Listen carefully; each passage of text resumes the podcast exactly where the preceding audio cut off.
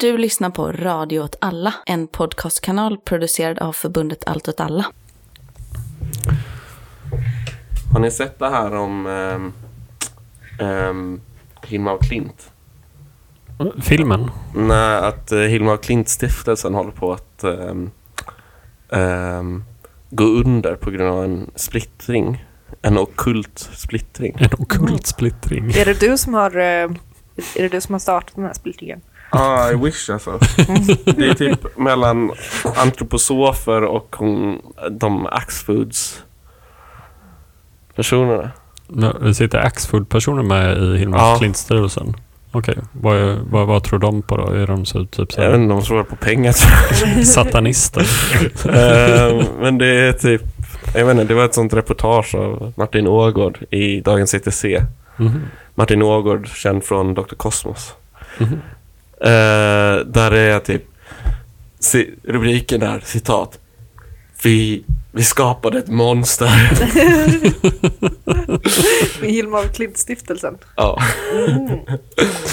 ja. Men ändå, you're allowed to see it. För det, det, får fan vara nog nu. Alltså de, de, listade också, de listade också upp ehm, typ alla olika sådana grejer Hilma och Klint-stiftelsen har haft för sig. Och då, för jag pratade ju om då det här, deras VR-grej. Just det. Som var helt fruktansvärd. Ja. Eh, Som såg ut som att spela ett, eh, typ, som såg ut som att spela typ Half-Life 2. Det måste vara Axfood som är ansvarig för det. Ja. Eh, Men sen har- gjorde de ju också Hilma av Klint NFT-er. Okej. Alltså de är ute på väldigt mörka vatten här. Ja. Här. Tänk. Jag hörde om, om en sån NFT-gubbe i Mexiko som tog en Frida Kahlo-teckning Mhm. och bredde den. Och så var det Ja. så, men så var så, men nu finns det att köpa som NFT, så det är lugnt. och sen, sen fick han betala typ flera miljoner kronor till mexikanska staten. För det är ju inte så att bara för att om du köper liksom konst som är så stor och så, då äger du det, alltså du äger det inte så att du kan göra vad som helst med det. Du får inte Ja. förstöra den. Nej. Nej. Fan, ändå bra lagar i Mexiko. Ja, Ja. Fan, han, ja, bra Ja. att han straffades. Mm. Borde fått hårdare straff, fängelse eller någonting. mm. och Mexico. Alla som håller på med NFT borde åka i fängelse. Ja. Eh, ni som inte har förstått det eh, kan glädjas åt att höra att ni lyssnar på Sätt att se. Och det är som vanligt jag, Niklas. Och, Jag Ellen. Och jag Leo. och ehm, ja, vi kör igång.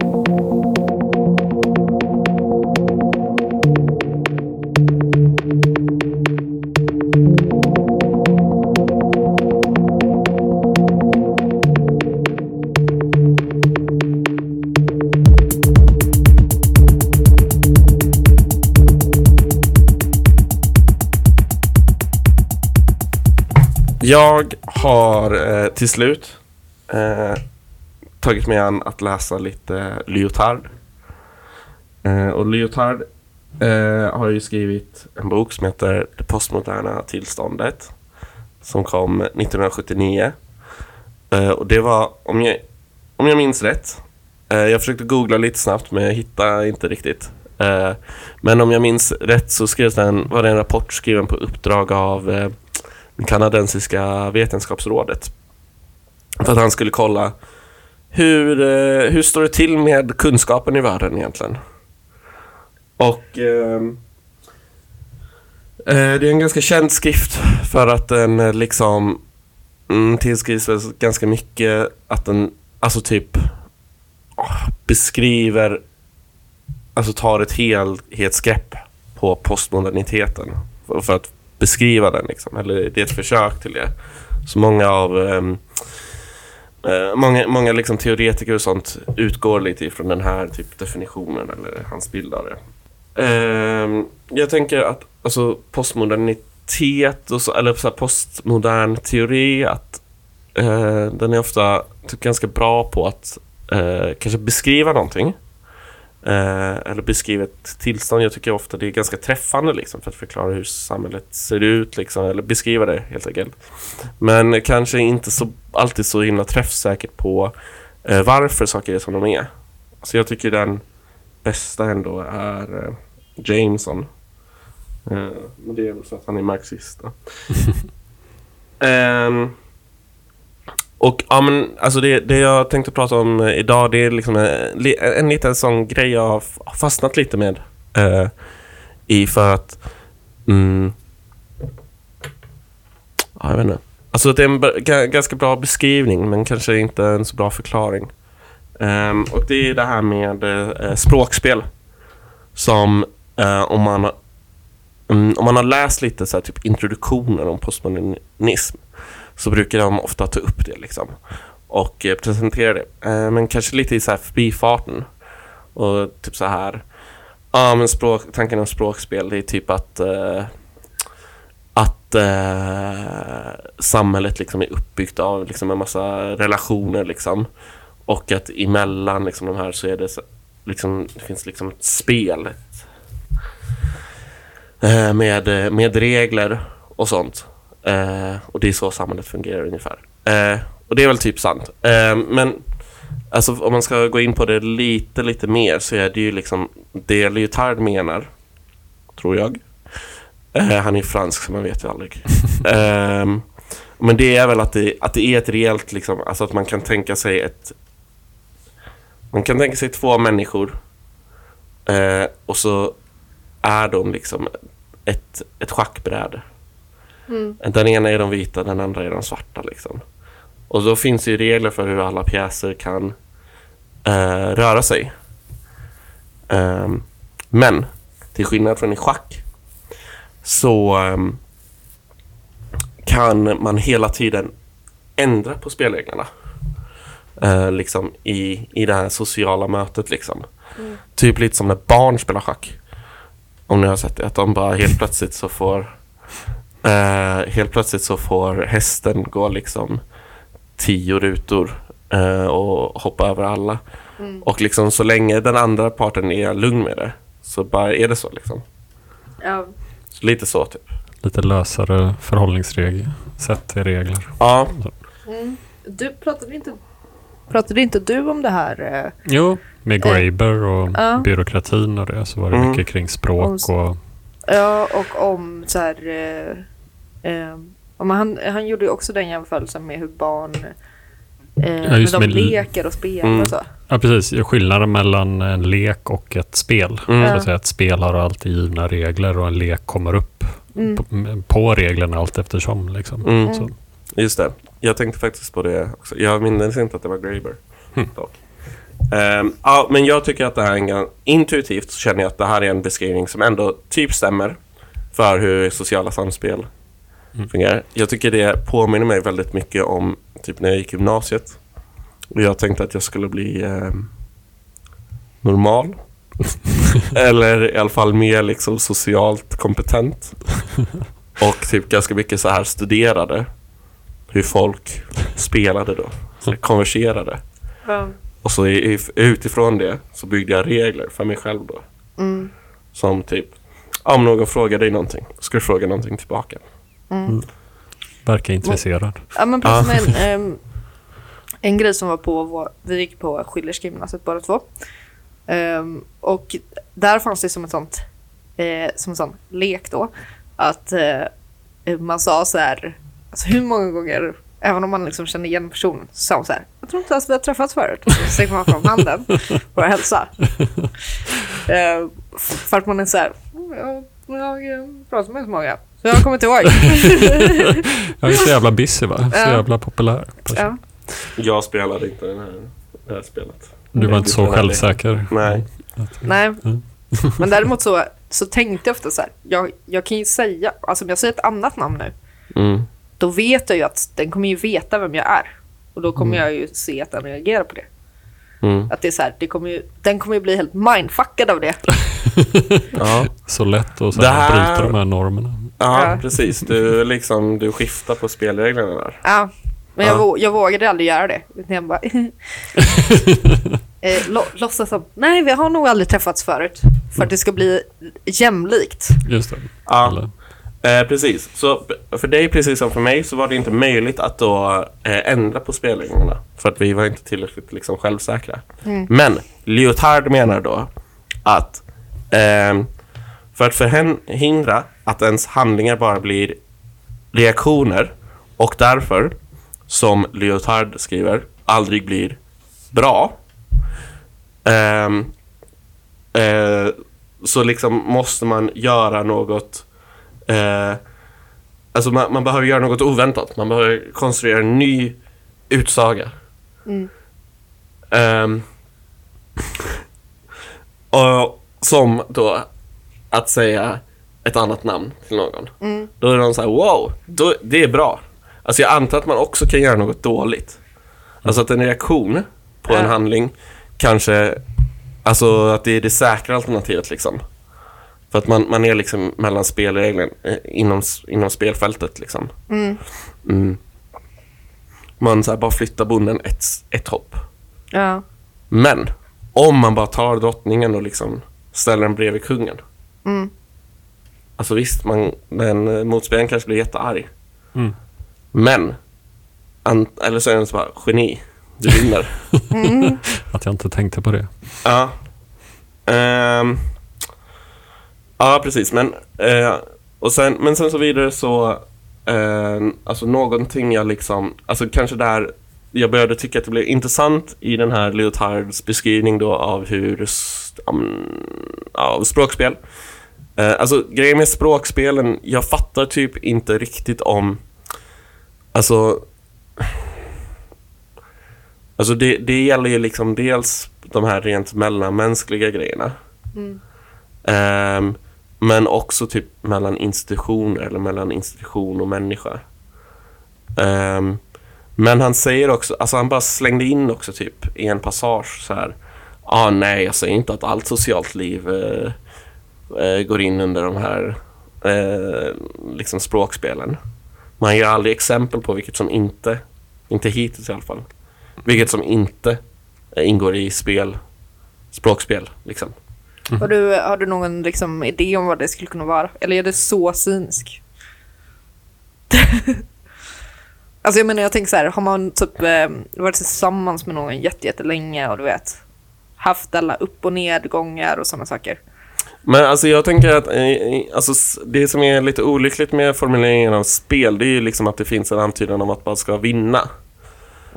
Och alltså, och det, det tycker väl Leotard också typ, eller han menar väl det också, men att det inte... Det är liksom inte, alltså det är, man, man ska liksom inte vinna över den andra nödvändigtvis. Eh, man ska liksom inte besegra den nödvändigtvis. Ja. Så, äh, men att, att älska någon tänker jag i allra högsta grad är ett, eller liksom ett sånt förhållande att det absolut ingår språkspel där. Eh, så så ja, jag, vet faktiskt inte vad som inte skulle liksom påverkas av språkspel. Alltså han verkar ju typ mena att eh, institutioner kan gå in och liksom eh, sätta gränser för hur spel, alltså att, för hur mycket man kan ändra spelreglerna liksom. Ja. Ehm, ja, whatever. Ehm, vi, vi, vi fortsätter. Um, men det, det, det jag typ hajade till, det som jag inte kände till på innan, det var att han liksom bara säger så här. Ja, ah, och för att förstå liksom hur det här på, påverkar eh, samspelet så måste vi... ehm, så, så behöver man en förståelse av spelteori. Känner ni till spelteori? Nej. Eh, Jag har hört, hört talas om det, men jag förstår inte riktigt vad det är. Ja, Men jag nej, men- Det är något nördar gillar.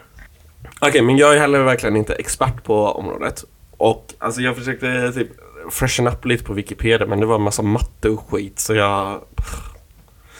Eh, men, som jag förstår spelteori, alltså det jag kan om spelteori, det är att eh, Rand Institute använder spelteori för att motivera den här idén om mutually assured destruction.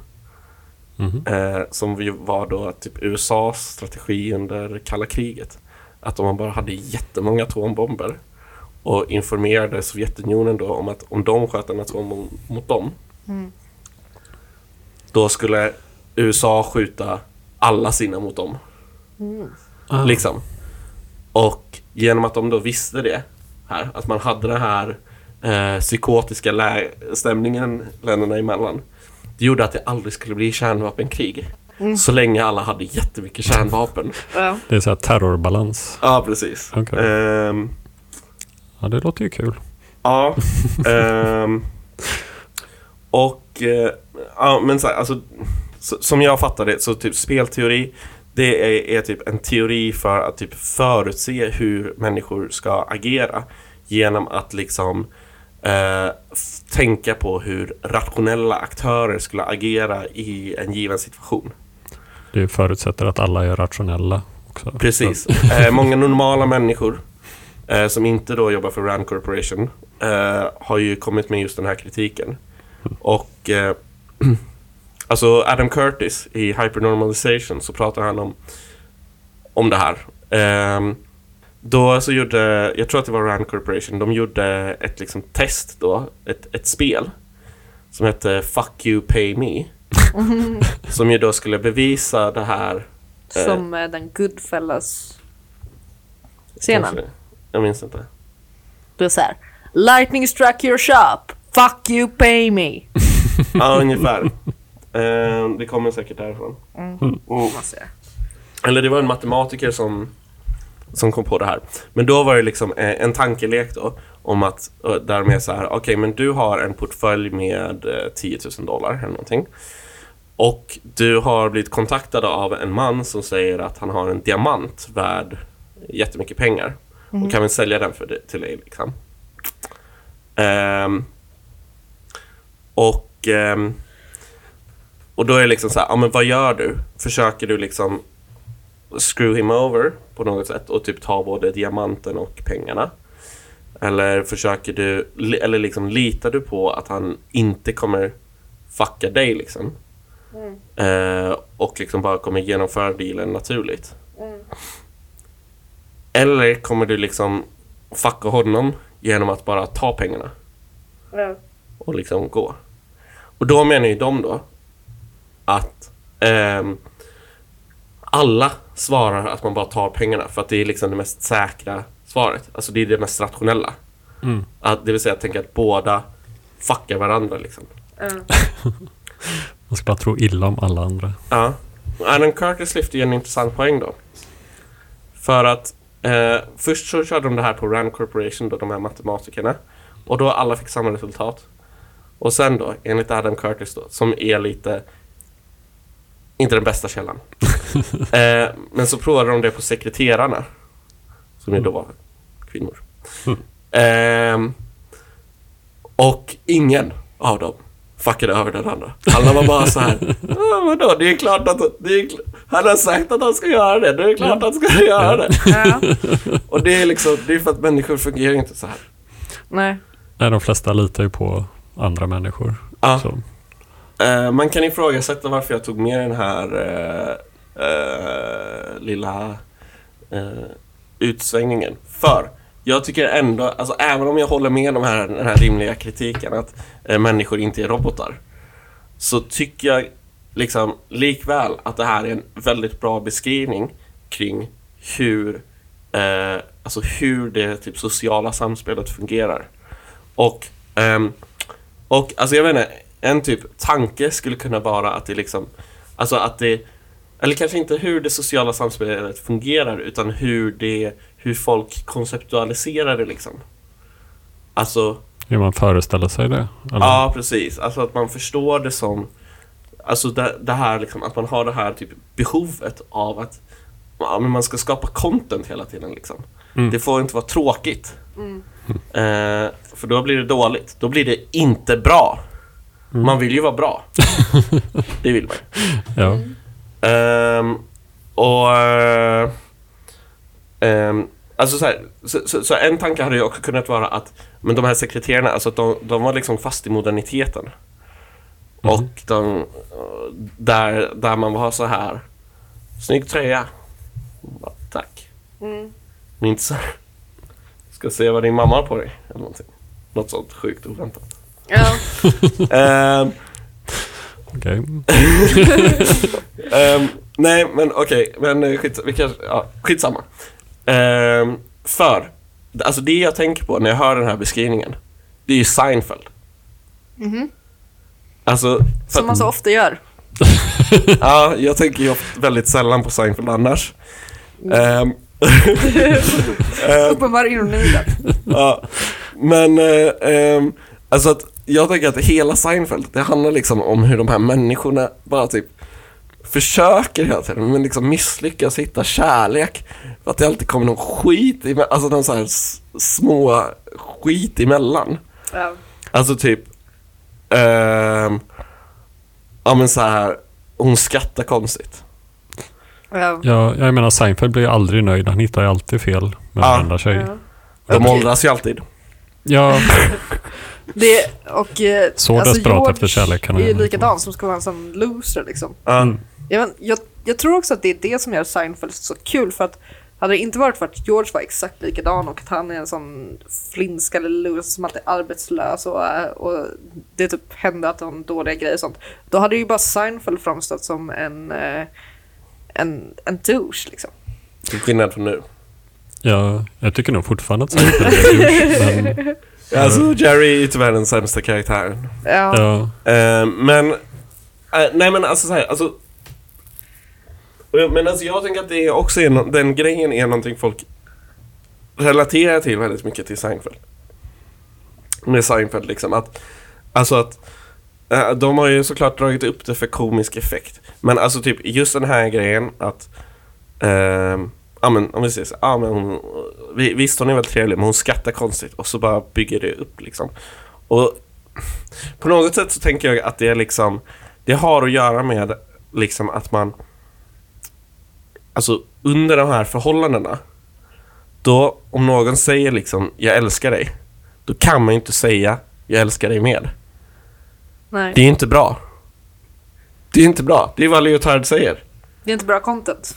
Ja, precis, alltså, det är Det är förväntat. inte bra, det det är liksom bara en reaktion på den andras liksom spel Mm. Så det man måste säga är något sjukt, eller det man måste göra är något liksom oväntat Mm. Och säga typ så här. "Ah, Detsamma. Eller liksom säga något konstigt typ. Eh, och, och sen så då reagerar man ju på det här. Alltså medan typ om man är så här, ja ah, men hon skrattar konstigt. Det är liksom, det bryter ju mot spelreglerna. För att alltså spelreglerna är ju på ändå i datingvärlden, det är ju ändå på något sätt att man ska hitta någon som man får ett dju, en djup connection med. Liksom. Och eh, och att, att då liksom avbryta det för små, små skitsaker. Det är ju det är bra. Eller det är ju content liksom. det är ju liksom, det är, det, då, då liksom, det är något oväntat. Så då vinner man på det sättet. Men alltså, Och- för mig, alltså jag håller med om det du säger, men för mig har dejting alltid varit så här. Man börjar träffa någon som, som man gillar. Eh, och under hela tiden, i början, alltså de första typ månaderna eller veckorna eller så, så säger man hela tiden så här. Ja men jag vet inte, det här är bara casual. Det är, vi är unga, vad då? Eh, vi behöver inte bestämma någonting.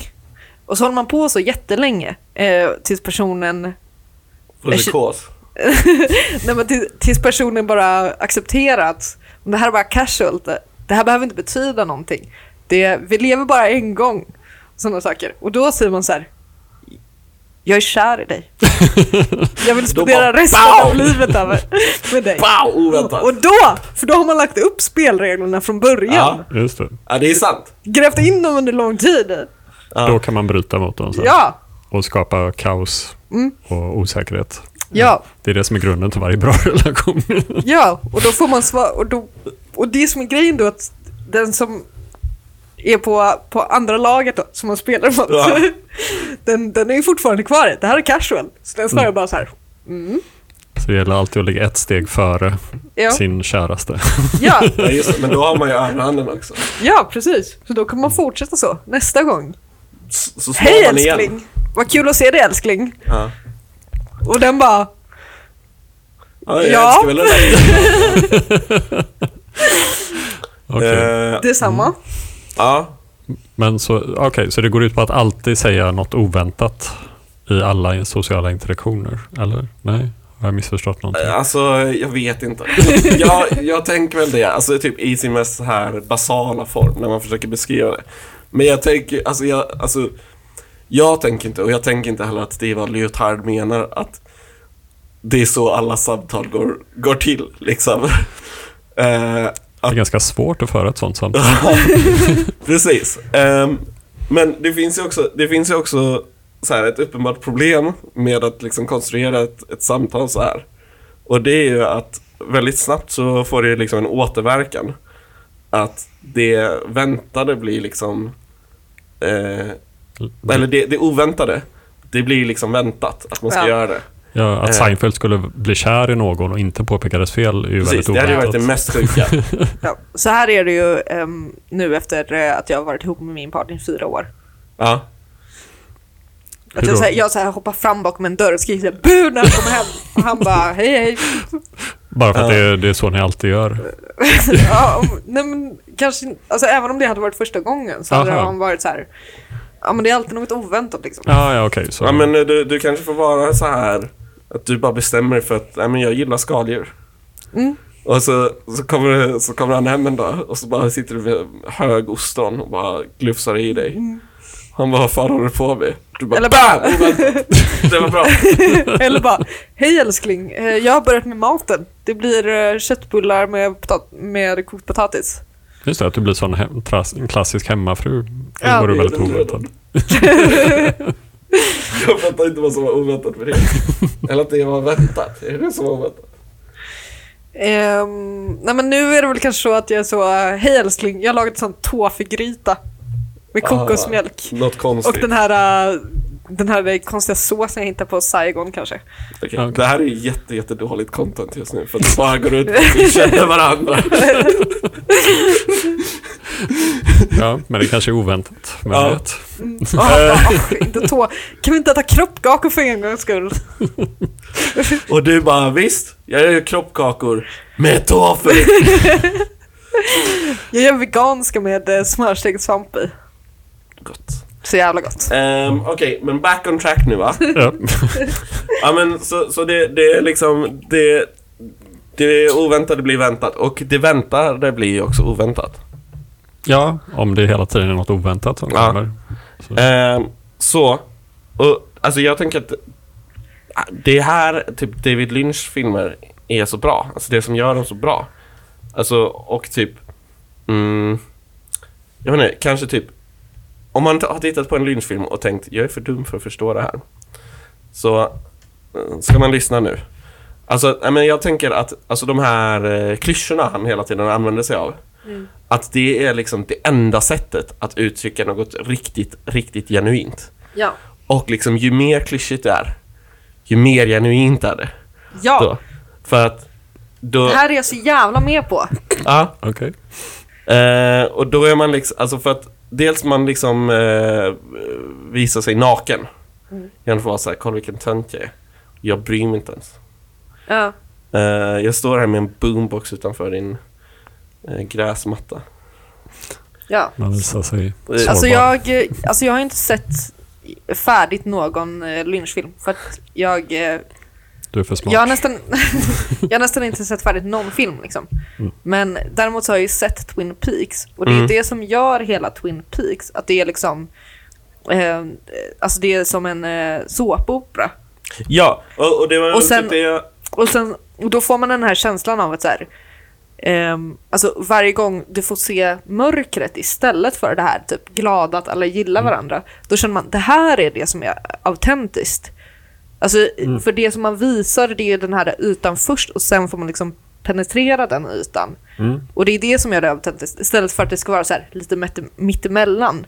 Att alla gillar varandra lite grann men så är det något så här eh, ytligt drama och sånt. Ja, han visar vad som är bakom fasaden liksom. Ja. Men, men Ja, har men- ni sett men- den? Eller, ja, jag kör. Alltså jag tänker att, att båda är, är sanna. Båda är lika sanna.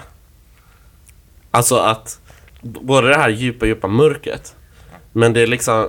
Eh, men det ehm, förhindrar inte att den här ehm, glädjen liksom eh, och den sammanhållenhet som finns hos dem i Twin Peaks Mm.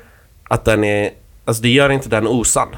Nej. Utan att det kanske snarare förstärker den liksom. Ja. Eh, ja, precis. Att de hå- undanhåller de här mörka liksom, delarna av sig själva. Det är det som gör att de kan vara så liksom, glada och... ja, Eller är det så, så du menar? ja, typ.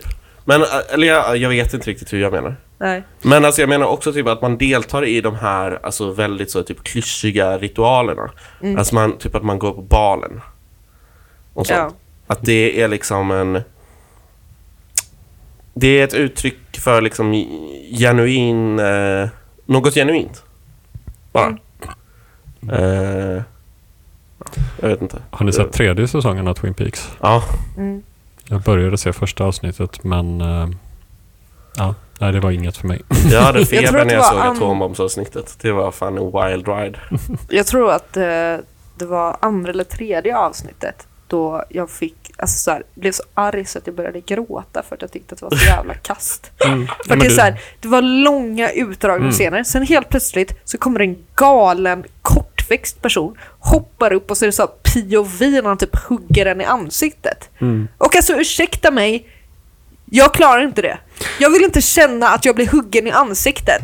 Nej, men jag kände att det var, det var riktigt skit tyckte jag, tredje säsongen faktiskt. Mm. Jag gillar de två första säsongerna, men tredje säsongen var patetiskt dåligt. Där kan man verkligen snacka om oväntat, men verkligen inte bra. Ja, men, alltså, men jag känner så här, snälla få inte mig att må dåligt. Nej, Är det så mycket begärt? eller, Fan, du kan, jag hade jättemycket begärt av David Lynch. Ja, alltså må dåligt. Jag mår gärna dåligt, men då får du ha någon poäng liksom. Inte bara vara så här menlös dravel. Okej, lite, men, nej, men nu, nu vi, vi, vi lämnar det här nu. Ja, Vi lämnar det här nu. Alltså, Ja. jag har, ingen, jag har ingen, inget att komma till förutom det här. Okej. Eh, att jag, det är bara David Lynch som är mitt exempel. Ja, okej. Eh, jag vet inte. Eh, Sound of in the Com... Ja. Um, häromveckan så var det ju 8 mars. Eh, och det var en dansk konstnär eller någonting som uppmärksammade det här. Jag vet inte om ni såg nyheten om det. Han eh, gick in på ett galleri och spikade fast sin kuk i en eh, bräda där. Eller typ en stolpe eller någonting. Mm, det här har jag inte sett. Fan vilken bra konst. Ja. Är ju en liten turné här i Sverige i höstas också när han sprang runt och lekte hund på olika konstmuseum. Så här Mm. liksom kravlade runt naken tror jag var till och med. Ja, den här dansken i alla fall, han eh, spikade fast sin kuk och läste upp utdrag ur eh, Valerie Solanas skammanifestet. Och eh, jag tror att han gjorde det här för att på något sätt visa på mannens utsatthet i samhället eller något sånt där. Och att mannen är det verkliga offret. Geni. Jag, jag, eh, jag tycker att eh, konstverket hade varit bättre om man bara hade spikat fast sin kuk. Ja, jag tyckte det här med skammanifestet var lite eh, kaka på kaka på något sätt. Liksom. Det hade... Man bara, okej, är du en tjej som går på gymnasiet? Eller? Men han borde klippt av sin kuk i så fall. Ja, det hade varit fett. Läst den samtidigt bara kolla vad feministerna gör med mig. Eller klätt ut sig till en enorm dildo och bara gått omkring överallt. Ja, och så här stoppat in... Så att hon skriver så här, eh, män är bara vandrande dildos. Just det. Ja, just det. Så kan han stoppat upp sitt huvud i röven på någon killkompis. Ja. Så. Men, Omkring eh, och buffat på, mig, på personer. precis. Men ehm, ja, i alla fall. Ehm, och Det här får mig helt osagt in på en annan väldigt um, sårad och sargad man, Jordan Peterson. Ehm, och eh, det har skrivit en em, artikel som handlar om honom som heter The Intellectual We Deserve som kom för flera år sedan, i och för sig, 2018, i Current Affairs eh, av en person som heter Nathan G. Robinson. Jag tänkte sammanfatta den artikeln lite grann, bara för att um, eh, hylla den här danska konstnären lite och hans kamp. Ehm, och den här artikeln börjar då med att säga lite, om man vill få det man säger att verka väldigt, väldigt viktigt och djupsinnigt för att övertyga andra om att ta en seriöst, liksom så här, eh, men man egentligen inte har någonting att säga överhuvudtaget, så finns det en väldigt välbeprövad metod. Eh, först så ska man ta en väldigt så här uppenbar plattityd eller klyscha liksom, eh, och se till att den innehåller någon liten så här insikt, även om det kan vara rätt vag. typ att om du är för snäll så kan du lätt bli utnyttjad eller många moraliska värden är lika ibland mänskliga samhällen och så. Sen omformulerar du den här klyschan genom att använda så många ord du bara kan och gör det så svårbegripligt som möjligt och sen utan att upprepa dig eh, helt exakt också. Så. Ehm, och sen använder du väldigt mycket avancerade tekniska termer från flera olika akademiska läror så att ingen riktigt har tillräckligt med utbildning för att helt kunna utvärdera ditt verk så liksom, eller vad du har skrivit och skapa väldigt komplicerade teorier med många olika delar i sig. Rita mycket diagram också. Och säg aldrig någonting för specifikt. För om du, gör, om du gör det så gardera dig så mycket du kan så att du alltid kan hävda att du egentligen menar motsatsen. Här. Och sen så kan du så också evangelisera, så här, att prata så väldigt självsäkert som möjligt. Liksom. Eh, som att du spred liksom, Guds ord. Så. Um, Han säger ju väldigt ofta så här, typ, nej det var inte det jag sa. Ja. Och någon säger så här, så det, det du menar det är att för att liksom man försöker klargöra det han mm. säger för att han pratar så otydligt. Så nej det var inte det jag sa. Precis. Det är din tolkning. Man går alltid fri. Ja. Man har alltid ryggen fri på något sätt. Mm. Väldigt viktigt. Och acceptera ingen som helst kriticism. Insistera på att skeptikerna har missförstått dig eller att, du redan, eller att de redan har gett dig rätt. Liksom, så här. Att det de säger bara bevisar din poäng. Och tala så mycket som möjligt och lyssna så lite som möjligt. Och Följer de här stegen så kommer du garanterat att lyckas. Det hjälper även om man är vit och om man är man. Då har man lite försprång. Eh, Jordan Peterson då, eller JP, eller JP. Han eh, verkar väldigt djupsinnig och har övertygat väldigt många om att ta honom seriöst. Men han har egentligen ingenting att säga. Han har eh, han har varit väldigt, en väldigt, väldigt läst författare. Uh, han har skrivit olika så här, självhjälpsböcker. Då. Och han är numera någon slags konservativ högergubbe på nätet som hyllar olika traditionella könsroller, auktoritära styren och förnekar klimatkatastrofen. Han är ju lite så en... en, en ja, men han har ju blivit en provokatör. Mm. Det tycker jag ändå inte att han var liksom, i början när han gav ut boken. Alltså lite grann, men nu är det ju så att eh, mm. han, han har ju sitt Twitterkonto och så tar han en bild på en sån eh, eh, eh lite tjockare modell typ. Och så så här, sorry, not beautiful. alltså, Ja, alltså han, han har genomgått en jävla resa. Så här, det, jag kan ju bara dra det lite snabbt för de som inte vet att han eh, var ju väldigt beroende av benzo, bensodiazepiner. Så här liksom, och eh, hans dotter fick också honom att bara börja äta kött, enbart kött, ingenting annat. Och sen fick honom inlagd på någon slags rysk jävla läkarmottagning där han la sig i koma i typ en månad. Alltså anledningen till att han gjorde det var, det var ju för att eh, hon insisterade på att, hon skulle, att han skulle um, uh, sluta cold turkey med benzo. Och inga riktiga liksom, äh, läkare. läkare tillåter ju det eftersom att man kan dö. Ja, man kan få allvarliga hjärnskador av att lägga sig i koma under så lång tid. Ja, under den här tiden så åkte hon till Serbien och festade. Så, men efter det här, i alla fall när han har kommit ut ur den här koman och allting, så har han ju förändrats ganska mycket han, i personlighet. Han gråter väldigt ofta, väldigt lätt också över typ ingenting. Att ja, men det var sen innan. Det var så ja. Jo, men det har blivit väldigt mycket mer nu, ah, har jag okay, förstått ja. det som. Att det är väldigt, typ hela tiden att han blir så här lättrörd över allting han säger och så. Alltså jag tror kanske att det snarare är så här liksom hans, hans format som har förändrats. För innan så var det mm. så att han gjorde förinspelade eh, videos som han la upp på YouTube. Och mm. nu är det bara så att han öppnar TikTok live. Ja. Sen bara sitter han där mm. och så skriver någon så här, det har förändrat mitt liv. Och han bara börjar böla direkt. ja, jo men det, det är det. Han, han har ju miljoner följare och liksom har ett väldigt stort genomslag för det han säger och hans teorier om saker och ting. Och han är ju då utbildad psykolog från första början, men han pratar ju om en massa saker som han inte har någon som helst utbildning om, men han pratar med väldigt stor auktoritet om de här sakerna. Mm. Hur kommer det sig då att han har blivit så populär om han inte har någonting att säga? Och Peterson han använder så om ett så här, det här medvetet vaga språket i sina böcker som det blir ofta väldigt svårt att förstå exakt vad han menar. Han har en bok som kom ut 99 som heter Maps of Meaning eh, som inte innehåller vare sig kartor eller mening, men som handlar om hur människor skapar mening, vilket enligt Peterson verkar betyda ungefär att förstå hur en ska agera. Och med ordet mening eh, så har en väldigt bred betydelse av vad det innefattar. Så liksom man har flera olika förklaringar. Att mening är manifestationen av den gudomliga individuella adaptiva vägen. Mening är den ultimata balansen mellan transformationens kaos och möjligheten och den orörda ordningens disciplin. Mening är ett uttryck för den insikt som leder oss ut i det okända så att vi kan erövra det. Mening är när allt som finns samlas i en extatisk dans med ett enda syfte. Mening betyder innebörd av beteendemässiga resultat och mening uppstår ur samspelet mellan världens möjligheter och den värdestruktur som verkar inom den världen. Ja, väldigt lättförståeligt. Mm. Så Petersons svar på hur vi ska skapa mening är att vi använder oss av gemensamma uppsättningar berättelser som innehåller arketyper som har utvecklats under vår, vår arts evolution. Det är ju klassisk eh, jungianism. Ja, mm. han hämtar ju väldigt mycket därifrån.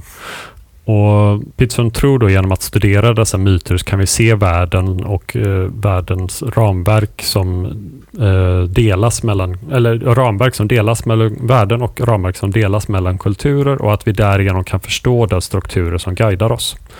Om många av människors berättelser har liknande moraliska lärdomar som han påstår är hans poäng, eller det är hans poäng då, så är det ju uppenbart att Eh, Eh, eller det, det, är en insikt som ingen skulle höja så mycket på ögonbrynen över. Så liksom, att, men Peterson lyckas fylla ut några hundra sidor med det här och utveckla det till en komplicerad, obevisbar, ofalsificerbar och obegriplig teori som inbegriper allt från historiens riktning till mening med livet, till kunskapens natur, till människans beslutande strukturer, till etikens grunder och så vidare. Och så vidare.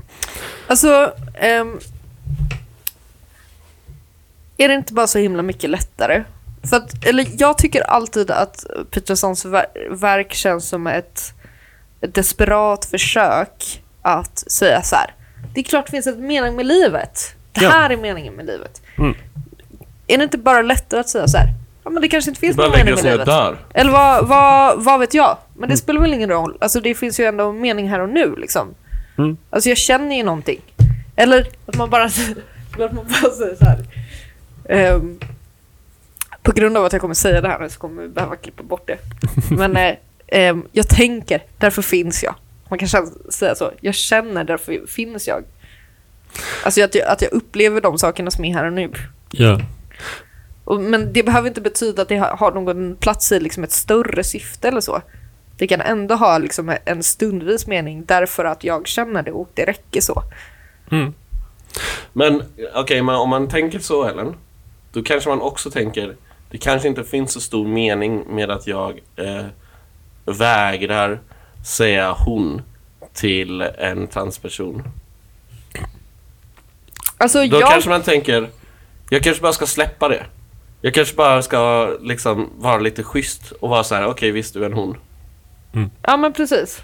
Mm. Det är ju så jag tänker. Ja, då går ju världen undan. Precis, det, för det är väl det också att han menar på att det finns de här gamla värdena som måste upprätthållas. Att det finns de här gamla hierarkierna, auktoriteterna och så här ordningen mellan man och kvinna som är så här givet av naturen på något mystiskt sätt liksom, som måste upprätthållas. Och upprätthålls inte det så blir det bara kaos av allting. Liksom. Mm. Att det är mycket det han liksom kommer ifrån där. Mm. Och, Var det så för humrar så är det så för människor. ja, precis. Och um, det, det, den här texten går väl ut mycket på att det, det Peterson använder sig av det är så här um, att medvetet säga saker på ett väldigt, väldigt svårt sätt som ingen riktigt förstår så att det blir väldigt o, eh, obegripligt. Liksom. Men, när man, men samtidigt finns det någon liten sanning där i. Så att när man läser det och man måste anstränga sig väldigt, väldigt mycket för att förstå vad det säger så tror man också att det betyder något väldigt, väldigt djupt. Liksom, för att man har ansträngt sig så mycket.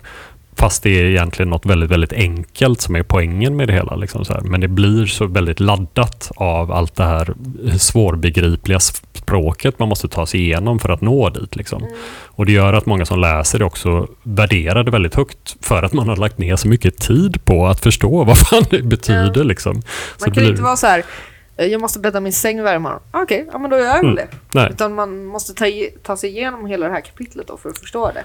Och så- sen kanske man ändå inte riktigt har fattat det, men man vet så här. Jag Mm. måste bädda min säng. Hans publik består ju också till ganska stor del av folk som inte läser så himla mycket. Så att det blir Mm. en större kamp liksom. Ja, Ja. och består ju väldigt ofta av eh, unga personer, ofta, väldigt ofta män, som ju också är lite av förlorarna i det här samhället många gånger. Liksom. Jag menar, vi lever ju i ett samhälle av väldigt hårda ekonomiska och sociala liksom, strukturer som drabbar människor väldigt, väldigt hårt och gör att många blir väldigt desperata och vilsna. Liksom. Att det känns inte som att det finns någon jävla mening att leva i det här kapitalistiska samhället väldigt ofta för väldigt många. Och då kommer Peterson här och ger de här personerna en mening på många sätt. Liksom. Att han ger dem en förklaring till varför saker och ting är som de är. Och se, ge, visar dem också en väg framåt på något sätt. Men den här vägen framåt är en återvändsgränd.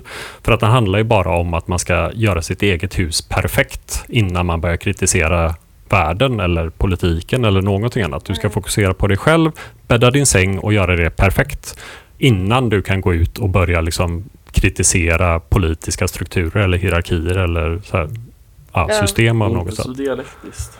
Alltså alla de här sakerna som att till exempel bädda sin säng då, som är en, en av reglerna i hans bok. Det är ju bara en symbol för alla de här sakerna som man önskar att man gjorde varje dag, som är en symbol för eh, vad det är för person man skulle vilja vara. Man vill vara en ordentlig, red person som gör det man ska. Och det är så himla svårt, för det finns så många grejer. Ja men det är liksom eh, den här teorin om att om man typ eh, om man liksom gör eh, tecknena av att vara en lyckad människa då blir man en lyckad människa. Ja, precis. Alltså om man mimar lycka så blir man lycklig. Ja, Om man bara liksom lagar en eh, busskur så fort den är trasig, då kommer förorten att repa sig ja, ja, men precis. Att det, det finns små defekter men att om man bara gör det man ska så kommer man bli belönad på något sätt. Liksom, vilket bara är en stor jävla blåsning. Men, ehm, men den här artikelns slutpoäng är väl lite grann att eh, anledningen till att Peterson har blivit så här stor och känd som han är, det den utgår ju mycket ifrån att, att det finns de här problemen i världen, verkliga problemen som många drabbas av och att många söker efter mening och så vidare. Liksom, och att vänstern inte på ett bra sätt har kunnat erbjuda en eh, förklaring till varför saker och ting ser ut som de gör, som är lättförståelig, lättbegriplig och som inte får väldigt många att känna sig exkluderade. Liksom, eller inte, ja, att vänstern har inte en sån person som Peterson som kan sprida det här budskapet. Liksom, som i, vi har inte lyckats föra ut det liksom, till de här människorna som istället fångas upp av Petersons väldigt simpla liksom, självhjälpsböcker och råd så här, liksom, inbäddade med hela den här auktoritära fascistiska smörjan liksom, som man också bäddar in i sitt budskap. Ehm, ja. Det är en, eh, Men det är en exklusiv inkluderande klubb. Ja, Jag tror alla som gillar Jordan Peterson, de, de känner att de är väldigt speciella för att de gör det. mm, Jag tänker att ehm, jag tänker ändå att eh, vänstern har inget att hämta av att eh, rekrytera de här människorna för att de eh, deras klassintressen har inget med eh, vänstern att göra. Alltså, men, men jag tror... Men alltså, ja. Alltså jag, tänker tror, att det jag tror ändå att du har rätt, liksom. Men jag tror ändå att man kan lära sig någonting av den, eh, den typen som de samlar. För att det är så här, nu är det så att eh, vänstern håller på så. Nej men eh, det här är inget konstigt. Så här vill alla ha det. Det här är helt normalt. Men eh, om man hade kunnat svara så här, nej men vi, vi tänker annorlunda. Vi har den här exklusiva klubben där vi tänker på ett nytt sätt. Ett bättre sätt. Ett sätt som inte alla förstår. Alla kan inte fatta det här. För de andra, de är inte lika bra som vi. Då skulle alla vilja vara med i vänstern. Ja, eller, ja, eller jag tänker att många av dem, eller både Jordan Peterson och Andrew Tate, de, här, de kritiserar ju väldigt mycket de faktiska förhållandena, eller liksom eh, de situationen som väldigt många är i. De påpekar att det är ett problem att många människor lever liv där man inte har makt över sitt eget liv, där man tvingas jobba, ett liv, äh, jobba för ett jobb som där man inte har något att säga till om och så vidare. Liksom att de, de anspelar på den här känslan som många har, tänker jag, så här, liksom att vi lever i det här förtryckande kapitalistiska systemet där vi inte har någon möjlighet att påverka. Liksom. Att de fångar den känslan som jag tror väldigt, väldigt, väldigt många har liksom, och som vänstern inte lyckas fånga på samma sätt. Liksom. Inte lyckas nå ut till de här människorna på samma sätt och att vi har en potential att nå ut till de här människorna och faktiskt erbjuda dem ett annat alternativ än Andrew Tates eller Jordan Petersons värld. Liksom. Det tänker jag finns en poäng i. Så att säga, liksom, att vi, det är ju öppet mål på många sätt liksom, som de lyckas sparka in och föra in de här personerna någon helt annanstans. Så. Jo men jag tänker, alltså jag tänker, alltså jag, det finns väl en poäng där liksom. Alltså, såklart att alltså, eh, man behöver ha liksom det självförtroendet att eh, sätta agendan liksom och sånt. Men att eh, jag tror att det är, alltså det är liksom en framgångsrik rörelse måste liksom kunna göra det. Alltså man kan inte bara kopiera deras modeller rakt av för att med Jordan Peterson och Andrew Tate så, alltså det kommer ju alltid någon ny liksom. Mm. Jordan Peterson är egentligen ute ur leken. Han bara håller sig fast liksom. Andrew Tate är också ute ur leken. Det kommer komma någon ny. Alltså för det har det alltid gjort. Alltså jag kan rada upp så jävla många såna här Alltså typ eh, pick-up artist killar. Eh, typ Ja. han Neil Strauss. Mm. Eh, när jag växte upp på internet. Eh, Nej, jag tycker inte heller vi ska kopiera exakt. Jag tycker inte vi ska börja snacka nonsens och få det att låta som att vi säger något vettigt som Jordan Peterson gör. Men, eh, men jag tänker att... det är vad vi gör här. Va? Nej, Ja. vi är tvärtom. Ja. uh, låtsas som det i alla fall. Vi säger något vettigt men får det att låta som nonsens. Mm.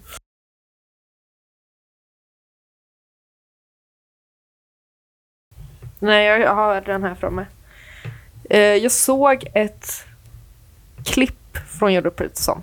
Jag ska säga att jag får upp väldigt mycket Jordan Peterson-klipp i mitt eh, TikTok-flöde.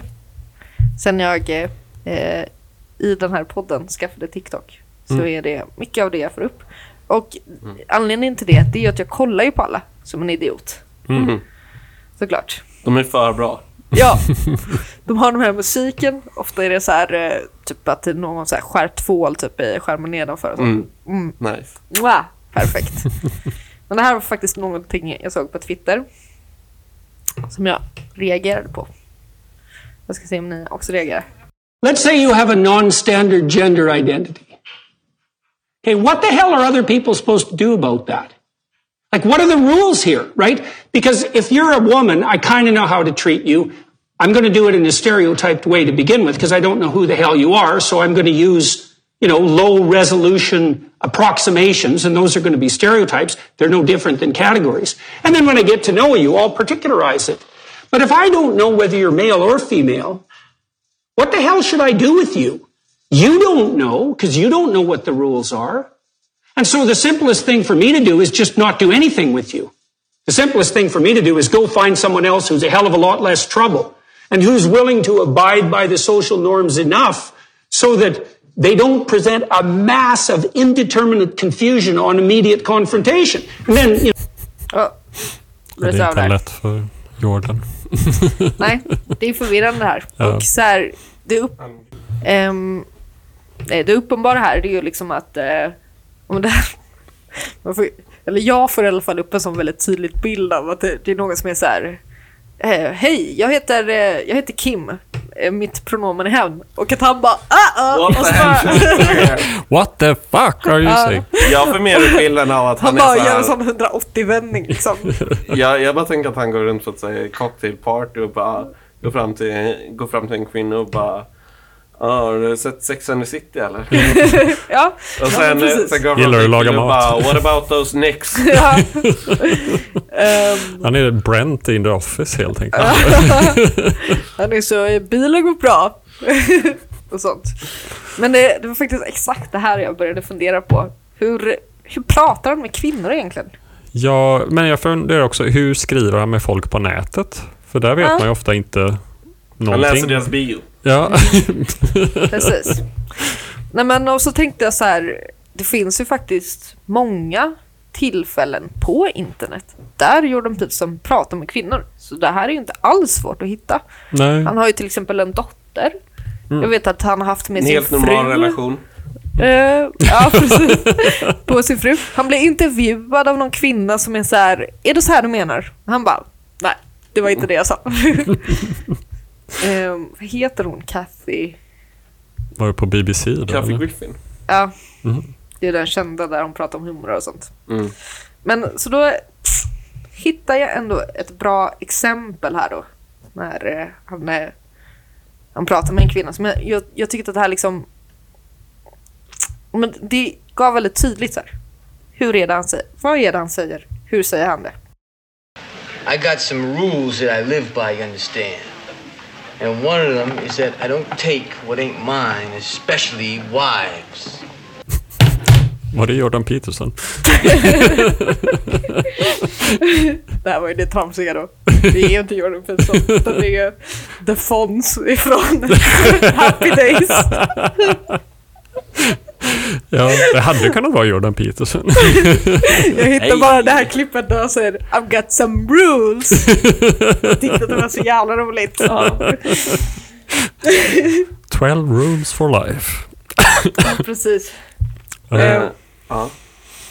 Ehm. Ja, ja men det är Vi måste ta bort det här mellanspelet nu. Ehm, Men det, det, här, är- det här är ju då så han pratar med Kathy Griffin. Alltså att han säger så här. Mm. Han säger så här, du är en kvinna. Mm. Så han är så, back off! nu är det männen som pratar här va? Mm. Och, Kathy, och Kathy Griffin är så, är du seriös? Han bara, japp.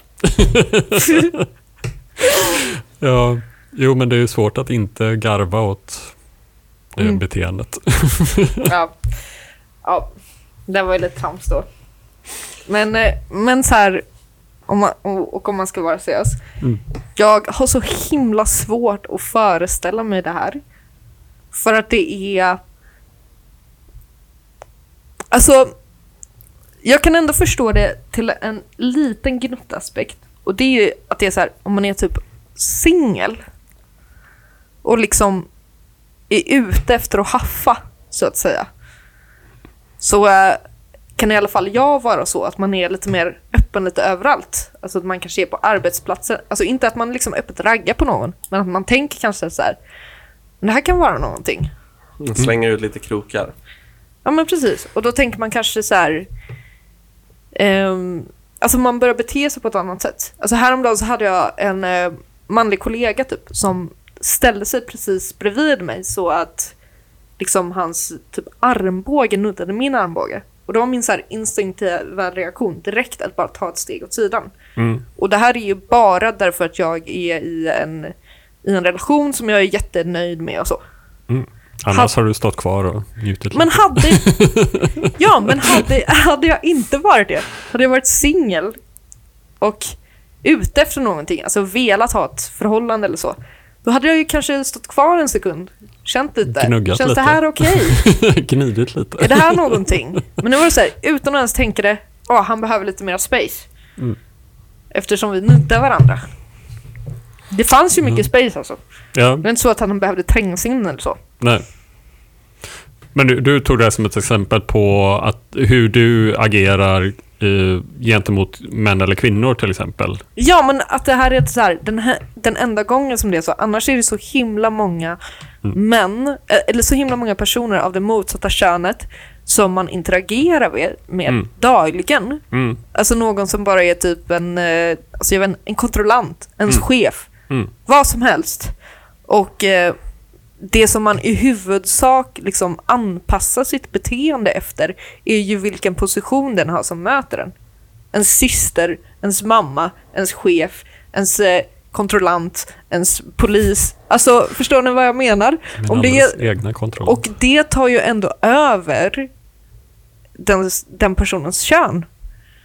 Mm. Ja, Alltså även när man bara träffar någon och man är kanske ett kompisgäng eller så. Så finns det så många individuella karaktärsdrag som liksom väger mycket större, alltså som gör större intryck på en än vad den personen har för kön. även i det liksom könssegregerade samhälle vi lever i nu så tycker jag ändå att det är en sak som stämmer. Uh, ja, sen tänker jag att det är väldigt olika från person till person. Så lite grann. Jag tänker att som Jordan Peters, han verkar ju vara väldigt inriktad på att det är väldigt stora skillnader mellan män och kvinnor. Och har man den föreställningsvärlden så kommer man ju bete sig olika om man träffar män eller kvinnor. Liksom så. Men har man inte väldigt rigida uppfattningar om att män och kvinnor är väldigt, väldigt olika så bemöter man väl män och kvinnor på ungefär samma sätt, tänker jag. Liksom. Så att det Men- är inte så konstigt. Alltså jag tänker att det här kanske också ganska mycket handlar om att han inte har så bra föreställningsförmåga. Alltså för att han föreställer, när han tar det här exemplet, då föreställer han sig liksom, eh, ja men ni vet de här på den här eh, guldplaketten som skickades ut i rymden. Mm. Det, då är man och kvinna liksom. Eh, och, så, så- och, och, så då liksom för, och då liksom börjar han tänka så här, om- jag ser en sån här kille, ja då kanske jag tänker att han, han gillar baseball och bilar. Om jag ser den här typen, då tänker jag att hon gillar smink och eh, musikal. Ehm, och, och så då tänker han ju så här, så bara kommer det en tredje. Och jag bara, what the fuck? Som Ja, det- liksom är varken eller. Men alltså i, i alla normala kontexter så är det ju så att eh, om, man, om man träffar någon så kanske den, den har den kanske har en bandtröja på sig. Den kanske har ett visst sorts, eh, sorts skor som liksom säger någonting om hur den är som människa. Den reagerar på ett sätt, ett speciellt sätt när den ser skelettet från Greveholm i en Ja. three-piece suit komma fram till en och börja prata om Pinocchio. Ja, ska vi avsluta? Ja. Har vi något mer att säga? Nej. Tack och hej.